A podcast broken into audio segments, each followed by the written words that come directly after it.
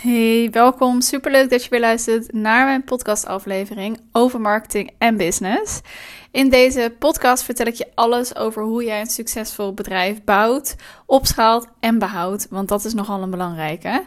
Veel ondernemers stoppen namelijk binnen drie tot vijf jaar met hun bedrijf, omdat er gewoon te weinig omzet wordt gedraaid. En dat is natuurlijk enorm zonde. Als je al zoveel tijd en geld hebt geïnvesteerd in je bedrijf, dan wil je natuurlijk dat dat ook voor lange termijn succesvol is. Middels mijn podcast hoop ik je te inspireren en te motiveren om de juiste stappen te zetten om voor jezelf een langetermijn succesvol bedrijf op te zetten. En vandaag ga ik met je delen hoe jij je ideale klant kunt bereiken via je online kanalen. En dit is een vraag die ik eigenlijk met regelmaat krijg. Want de onderwerpen voor mijn podcast en voor mijn content, die bedenk ik natuurlijk niet altijd allemaal zelf. Maar ik kijk vooral heel erg goed van, hey, wat gebeurt er in de markt? Waar heeft mijn doelgroep behoefte aan en waar is er vraag naar? En dit was een vraag die ik al een aantal keer voorbij zag komen, waarvan ik dacht: hé, hey, maar hier kan ik iets mee, want ik weet dat het heel erg waardevol voor je gaat zijn. Dus ik probeer vandaag zoveel mogelijk met je te delen, zodat jij natuurlijk zelf ook aan de slag kan met het bereiken van je ideale klant. Of misschien herken je zelf ook wel dat dat toch wel iets is waar, uh, nou ja, wel wat uitdaging bij komt kijken, zeg maar. Want heel vaak zijn we wel heel erg veel online. Ehm, maar hebben we het idee dat we niet altijd helemaal de juiste doelgroep bereiken. Nou, dat is natuurlijk best wel zonde, want als je veel tijd en energie steekt in je online zichtbaarheid en in je marketing, dan wil je natuurlijk dat het bij de juiste persoon terechtkomt. Want de juiste persoon, dus jouw doelgroep, jouw ideale klant, dat is natuurlijk ook jouw potentiële klant. Dus de kans dat die jouw aanbod zullen kopen is natuurlijk vele malen groter dan wanneer jij een doelgroep bereikt die totaal niet aansluit bij jouw aanbod. En dat is denk ik al inzicht 1. Ehm, ik ga sowieso drie concrete stappen met je delen hoe jij je ideale klant kan bereiken. Maar nu ik dit zo opnoem, bedenk ik er eigenlijk nog één. Um, en dat heeft niet zozeer te maken met hoe jij je ideale klant bereikt, maar wel hoe ze uiteindelijk bij jou gaan kopen. Wat ik net ook al zei, um, als je natuurlijk heel erg veel online bent, maar je ideale klant koopt het niet, um, kan het zo zijn dat je op dit moment niet de juiste volger hebt of niet de juiste kijker hebt. Um, wat ik vaak zie gebeuren is dat je bijvoorbeeld veel volgers hebt op Instagram, laten we zeggen een paar duizend, maar dat je er niet aan verkocht krijgt. Dan is het heel erg leuk dat je veel volgers hebt. Maar die volgers vallen niet binnen jouw ideale klant. Dus dat betekent dat alles wat jij gaat communiceren voor hun niet binnenkomt. Um, het aanbod dat jij aanbiedt is voor hun niet relevant, omdat zij niet jouw ideale klant zijn. Even heel erg um, een, een overdreven voorbeeld. Um, maar stel, ik heb een aanbod voor honden-eigenaren. Uh, en degene die ik als volgers heb, zijn alleen maar moeders met kinderen zonder huisdieren. Super groot contrast, maar ik hoop dat je daardoor ook het verschil ziet. Als ik dan constant blijf delen over honden, ja, mijn doelgroep gaat dat niet kopen, want dat zijn ouders met kinderen zonder huisdieren.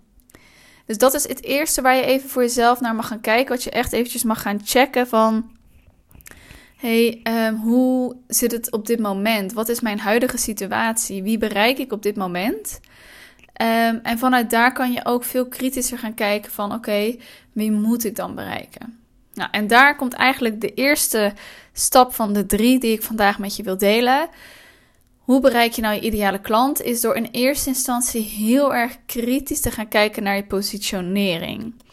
Misschien heb je op dit moment wel dat je wel met klanten werkt, maar eigenlijk het idee hebt van ja, ik word niet heel erg blij van deze klanten. Ze sluiten niet helemaal aan bij wie ik ben of um, bij de persoon waar jij graag mee samenwerkt. Het kan ook natuurlijk zijn dat je helemaal niet de juiste mensen bereikt en dus ook geen klanten aantrekt. Nou, wat daaraan bijdraagt is een hele sterke positionering.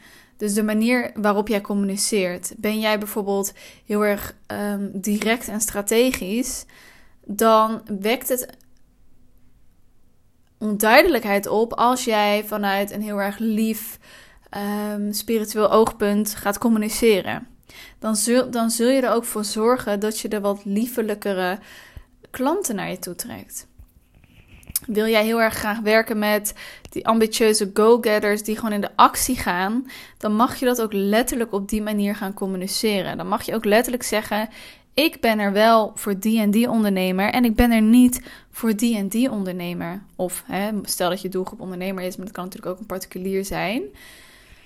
Daarmee zeg je eigenlijk al heel erg duidelijk met wie je wel en met wie je niet wil samenwerken. Daarnaast kan je in je positionering natuurlijk ook heel erg gaan kijken naar je kleuren. Dus enerzijds de tone of voice, maar anderzijds je kleuren. Want heb je hele zachte, uh, neutrale, misschien um, pasteltinten in je branding zitten, dan trekt dat ook een ander type persoon aan. Dat zijn vaak wat liefelijkere mensen die daar interesse in hebben. Uh, misschien creatiever. Nou, je hebt bij iedere kleur heb je ook een bepaalde psychologie erachter zitten. Dus daar zou je jezelf eventueel in kunnen verdiepen. Terwijl bijvoorbeeld het donkerblauwe en het hele um, strakke is wat zakelijker. Dus je zal daar een hele andere, um, een hele andere persoon mee aan gaan trekken. Dus dat is ook iets waar je kritisch naar mag gaan kijken. Ook naar bijvoorbeeld de foto's die je gebruikt in jouw online zichtbaarheid. Gebruik je op dit moment alleen amateuristische foto's die je zelf hebt gemaakt met je telefoon, die misschien al drie jaar oud zijn, dan zul je ook een ander soort type persoon aantrekken dan wanneer jij ervoor kiest om bijvoorbeeld met professionele foto's te gaan werken. Nogmaals, er is geen goed of fout hierin, hè, maar het een is niet het ander. Dus kies je voor het een, dan sluit je bewust of onbewust al de ander uit. En als je dus op dit moment merkt van ja, het is nog niet helemaal de juiste persoon die ik aantrek, dan mag je dus gaan verdiepen in deze aspecten. Dus de tone of voice, jouw manier van communicatie, eh, de kleuren die je gebruikt, de foto's en de beelden die je gebruikt, omdat die heel erg bijdragen aan het bereiken van je ideale klant. Dat is natuurlijk het hele visuele aspect, want als iemand op jouw online kanalen komt, is dat het eerste wat ze zien. Dus daar krijgen ze een bepaald gevoel bij. En we kopen vanuit emotie.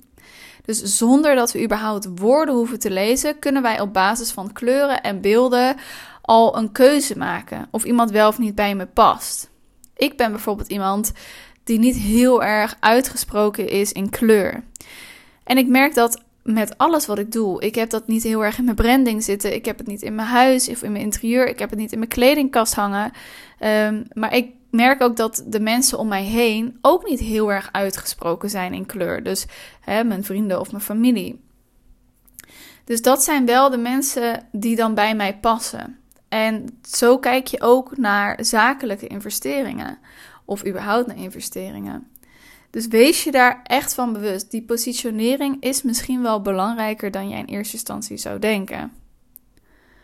Dan de tweede is je marketingboodschap. Want dat is eigenlijk een beetje de overlapping met uh, wat ik al in je positionering aangaf, dus de tone of voice. Maar het gaat er ook over waar, wat wil ik nou eigenlijk communiceren? Wat wil ik nou uitstralen? Wat wil ik uitdragen? Um, als jij bijvoorbeeld, ehm, hoe moet ik dat zeggen? Als jij bijvoorbeeld altijd heel hard communiceert in je communicatie, terwijl wanneer iemand met jou in een call zit, ben je eigenlijk super toegankelijk en lief, dan klopt die marketingboodschap niet met jou als persoon. Dus die moeten wel natuurlijk in lijn liggen. Die marketingboodschap moet precies zijn wie jij wil uitstralen en dus ook wie jij wil aantrekken. Um, maar ook dat het heel erg in lijn moet gaan liggen met het resultaat. Dus wat beloof je online? Wat, wat is jouw marketingboodschap? Wat wil je iemand meegeven? Wat is jouw visie? En klopt het dan ook uiteindelijk waar je iemand mee helpt? Klopt de transformatie bijvoorbeeld die daaraan gekoppeld zit? En daar mag je echt nog even voor jezelf kritisch naar kijken. Wat ik vaak zie gebeuren is namelijk dat we een bepaalde pijn aanstippen van iemand. En dat we vervolgens met een aanbod komen die daar helemaal niet op aansluit. Ja, dan creëer je natuurlijk frictie. Dan creëer je onduidelijkheid. Dat mensen hebben geen idee meer wat nou jouw marketingboodschap is. Wat wil jij nou overdragen? Hè? En als je daar heel erg duidelijk in bent, dan zorg je er ook voor dat mensen snappen wat jij bedoelt. Waardoor ze ook bij je zullen blijven en dus ook eerder bij je willen kopen. Dus daarin is het ook altijd less is more, keep it simple, maar wel heel erg duidelijk. Communiceer jij een bepaald probleem en een verlangen, dan moet je aanbod daarop afgestemd zijn. Dat is namelijk precies de pijn en de verlangen die jouw ideale klant heeft. Dus als jij precies datgene van jouw ideale klant weet te benoemen, dan weet je ook dat je op die manier je ideale klant kunt bereiken en naar je toe kunt halen.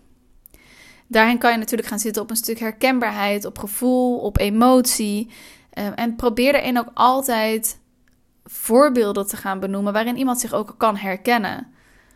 Dus nogmaals, als jij hondencoaching doet, ga dan geen voorbeelden benoemen over paarden, maar voorbeelden over toen je zelf met je eigen hondje ging wandelen. Want dan creëer je herkenbaarheid bij jouw doelgroep. En dat zit dus echt in je marketingboodschap. Nou, dan de laatste, dus de derde is: oké, nou dit gaat vooral over het stukje positionering, je marketingboodschap. Maar hoe kom je nou aan dat bereik? Hè? Um, nou, daar zijn eigenlijk heel erg veel manieren voor. Ik heb daar ook een gids voor geschreven over de verschillende lead generatiestrategieën. Mocht je die willen hebben, stuur mij dan heel even een berichtje. Dan kan ik die gratis naar je doorsturen. Die is namelijk nergens te downloaden. Maar die kan je wel van mij ontvangen. Daarin ga ik er helemaal in op nou ja, verschillende manieren hoe jij meer leads kunt genereren. Maar één hele belangrijke hoe jij je ideale klant nog beter kan bereiken, is door samenwerking aan te gaan. Je wilt het liefst je bereik zo concreet mogelijk maken. Dus je kunt bijvoorbeeld een podcast gaan opnemen met een andere ondernemer, maar wel, let op, die dezelfde doelgroep heeft als jou. Dus ik kan bijvoorbeeld een podcast opnemen met een salescoach. Als zij zich ook richt op creatieve dienstverlenende ondernemers. Wij hebben namelijk precies dezelfde doelgroep. Alleen bij mij komen ze voor de marketing en bij haar komen ze voor de sales.